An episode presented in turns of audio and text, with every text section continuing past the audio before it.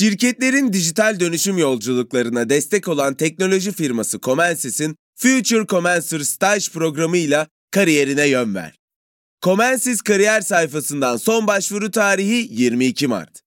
Açıklamalardaki linkten hemen başvur, tutkunu uzmanlığa dönüştür. Salus online terapinin yanında size özel ücretsiz içerik planıyla kişiselleştirilmiş bir deneyim sunuyor. Siz de nefes ve farkındalık çalışmaları, meditasyonlar ve çeşitli egzersizlerden faydalanabilirsiniz. Değişim ve gelişim sürecinde hem fiziksel hem de mental sağlığınızı destekleyebilirsiniz. Kendi en iyinizi yaratmak için Salus uygulamasını indirin. Başlangıç 10 koduyla %10 indirimli kullanın.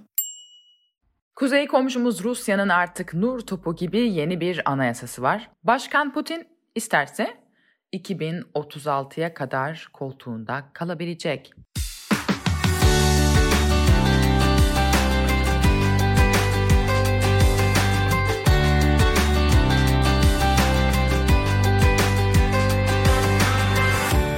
Trendtopi'ye hoş geldiniz. Bu bölümde Rusya'ya bakıyoruz. Şimdi siz de göreceksiniz. Aslında Rusya ile benzerliğimiz çok. Meseleye girmeden önce Türkiye'den Rusya nasıl görünüyor bir bakalım.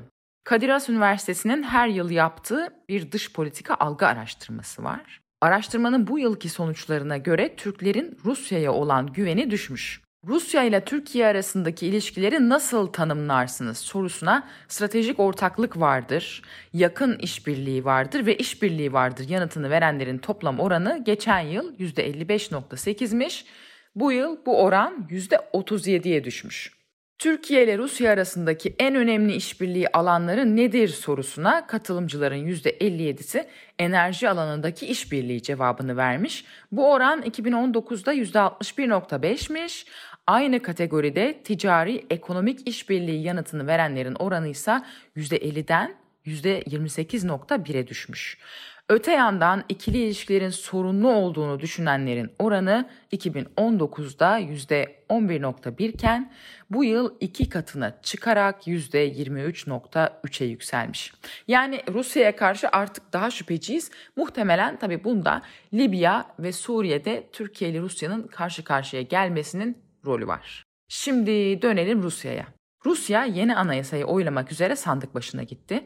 Sandığa gitme oranının %68 olduğu referandumda %77.92 yeni anayasaya evet dedi. Yeni anayasada göze çarpan bir unsur Tanrı'nın anayasaya girmiş olması. Komünizm sonrası milli kimliği yeniden inşa eden ülkelerde, başta Rusya olmak üzere, dinin başat bir rol oynadığını görüyoruz. Rus Ortodoks Kilisesi bu yeni milli kimliğin inşasında epey merkezi bir rol oynuyor. Şimdi ne demek istediğimle alakalı size somut bir örnek vereceğim. Moskova'ya gidiyoruz. Moskova'da Torfyanka Parkı. Devlet parkın bir bölümünü patrikliğe tahsis etmiş. Patriklik şimdi parkın yerine kilise yapacak. Bölge sakinleri zaten etrafta yeterince kilise var. Bir nefes alabildiğimiz bu park vardı. Burası park kalsa olmaz mı diye eylem yapıyorlar. Eylemcilere patrikliğin savunucusu olan bir takım gruplar saldırıyor. Yeni anayasada şu ifade var. Binlerce yıllık tarihle birleşmiş, bize ideallerini ve tanrı inancını devreden atalarının hatırasını ve keza Rusya devletinin gelişmesindeki devamlılığı koruyan Rusya Federasyonu tarihi olarak meydana gelmiş devlet birliğini tanır. Türkiye Anayasası'ndaki Türklüğe hakaret maddesine benzer bir madde de yeni anayasada kendine yer bulmuş. Şöyle madde, Rusya Federasyonu ana yurdun savunucularının hatırasına saygı gösterir. Tarihi hakikatin savunulmasını temin eder. Vatan savunmasında halkın kahramanlığının öneminin küçük düşürülmesine izin verilmez. Ama asıl can alıcı nokta. Yeni değişiklikle beraber Putin'in görev süresi sıfırlanıyor. Böylece daha önceki dönemler yok sayılarak yeni baştan başkanlığa aday olabiliyor. Türkçesi 2036'ya kadar ister ve sağlığı el verirse Putin için durmak yok, yola devam. Yalnız enteresan bir şekilde anayasa değişiklikleriyle ilgili propaganda yapılırken yani seçime hazırlanılırken Putin'in uzayan görev süresinden pek de bahsedilmedi. Genellikle yeni anayasanın Rusya'yı ne kadar güçlendireceği üzerinde duruldu. Sandığa gitme oranını arttırmak için sandık başlarında çekiliş için oy verenlere kuponlar dağıtıldı. Kimilerine çeşitli hediyeler çıktı.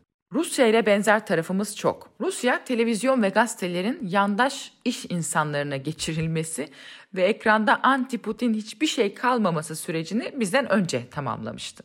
Mesela Yeltsin döneminde eleştirel taraflarıyla bilinen Rusya'nın haber kanalı NTV, Putin iktidara geldikten kısa bir süre sonra silahlı bir grup tarafından basıldı. NTV'nin sahibi kanalı seve seve devretmek zorunda kaldı.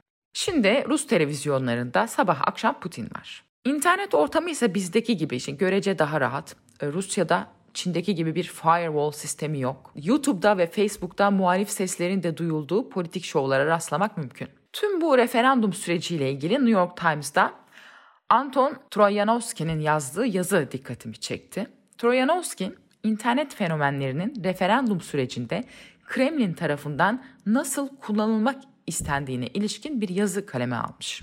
Erik Kituashvili, arabaları tanıtan ünlü bir internet fenomeni, Kituashvili'ye Kremlin'den referandumda insanları oy vermeye çağırması için video hazırlaması karşılığında 100 bin euro teklifi gelmiş. Makyaj videolarıyla ünlü bir başka fenomen Katya Konasova ise videolarında anayasa değişikliklerinin anneler ve çocukları için çok olumlu değişiklikler içerdiğini söylemesi istenmiş. Bunun için 14 bin euro teklif edilmiş. Rusya gibi bir yerde fenomenlerin bu tatlı parayı kabul etmemesi biraz tuhaf geliyor haliyle. Ne var ki fenomenler yine ceplerini düşünüyorlar. Diyorlar ki Putin artık eskisi gibi cool bir figür değil.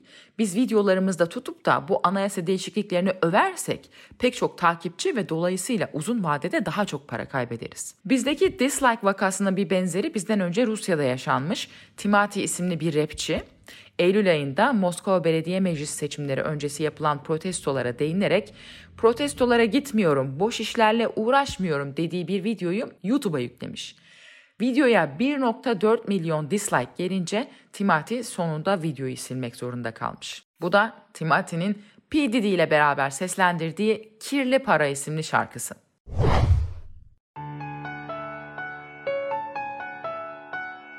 G Pride in that dirty money. Timothy in that dirty money. I'm trying to hit. Baby, tell me what's up, cause you the shit.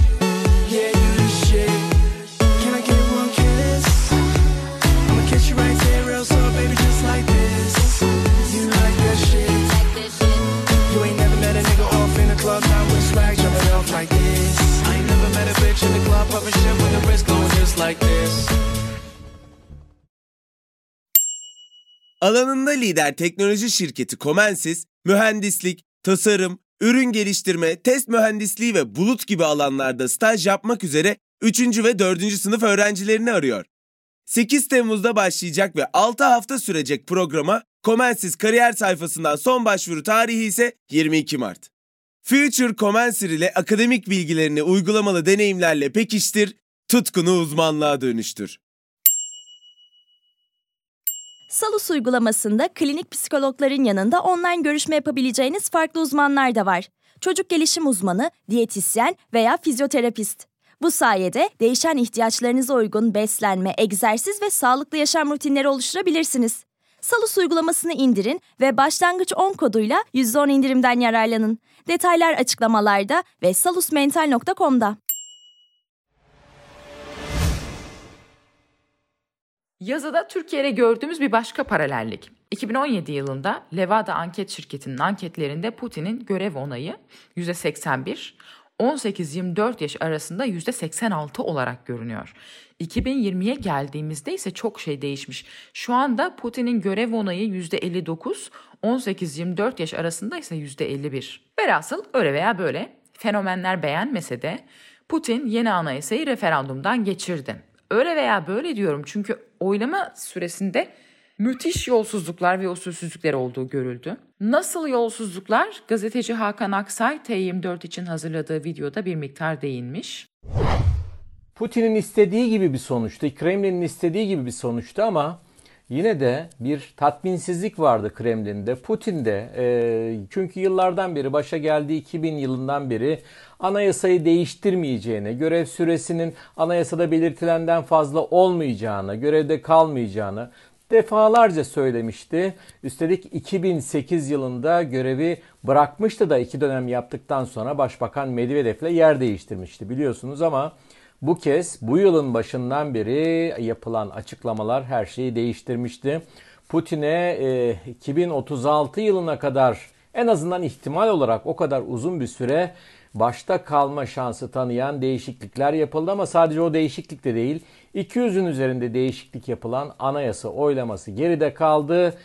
Ee, ama tartışmalar bitmedi. Muhalefet, Batı'nın eleştirileri, Moskova'daki pek çok söylenti, gözlemcinin olmaması, pek çok kuşkulu noktaya e, yer bırakan bir oylama süreci olması, insanların e, evlerinde oylama yapması, e, internet üzerinden oylama yapması hatta bir gazeteci bir deney yaptı. iki kez oylama yapmayı başardı. Böylelikle sistemin güvenilmez olduğunu ortaya koydu. Putin'de de yani sözünden dönmüş olmanın bir tatminsizliği, bir mutsuzluğu var gibi görünüyordu ama e, son bir konuşma yaptı ve bu süreç geride kaldı. Artık Rusya'nın yeni anayasası var ve biz bizi seven sevmeyen herkesi kucaklayacağız türünden bir nevi balkon konuşması yaptı. Seçim araştırmaları yapan Sergey Şpilkin'e göre bu kez referandumda usulsüzlük konusunda adeta rekor kırıldı. Şpilkin, Rus Merkezi Seçim Komitesi'nden gelen verileri inceledi ve 22.4 milyon oyda usulsüzlük yapıldığını tespit etti. Zaten Rus gazeteciler daha referandum olmadan yeni anayasanın oylanan değişikliklerle birlikte basılmış ve kitapçılarda satılmaya başlamış olduğunu söylüyorlar. Referandum usulen yapıldı diye aktarıyorlar. Evet, sözün özü. Kuzeyimizde merkezi yönetimin güçlendiği, milliyetçiliğin ve dindarlığın pompalandığı bir Rusya var. Bakalım yeni sistem Rusya'ya ve bölgeye neler getirecek? 27. bölümü burada tamamlıyoruz. Trend Topi'yi Podbi Medya ile beraber hazırlıyoruz. Yeni bölümde görüşmek üzere.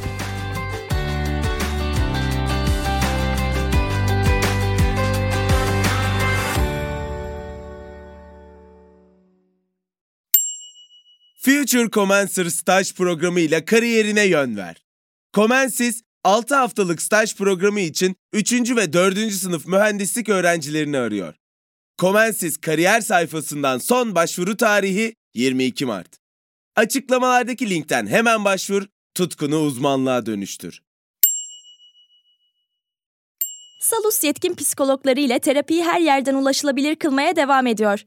Yaşam tarzı değişiklikleri, adaptasyon sorunları, yalnızlıkla başa çıkma gibi konularda online terapi desteği için Salus uygulamasını indirin. Başlangıç 10 koduyla %10 indirimli kullanın.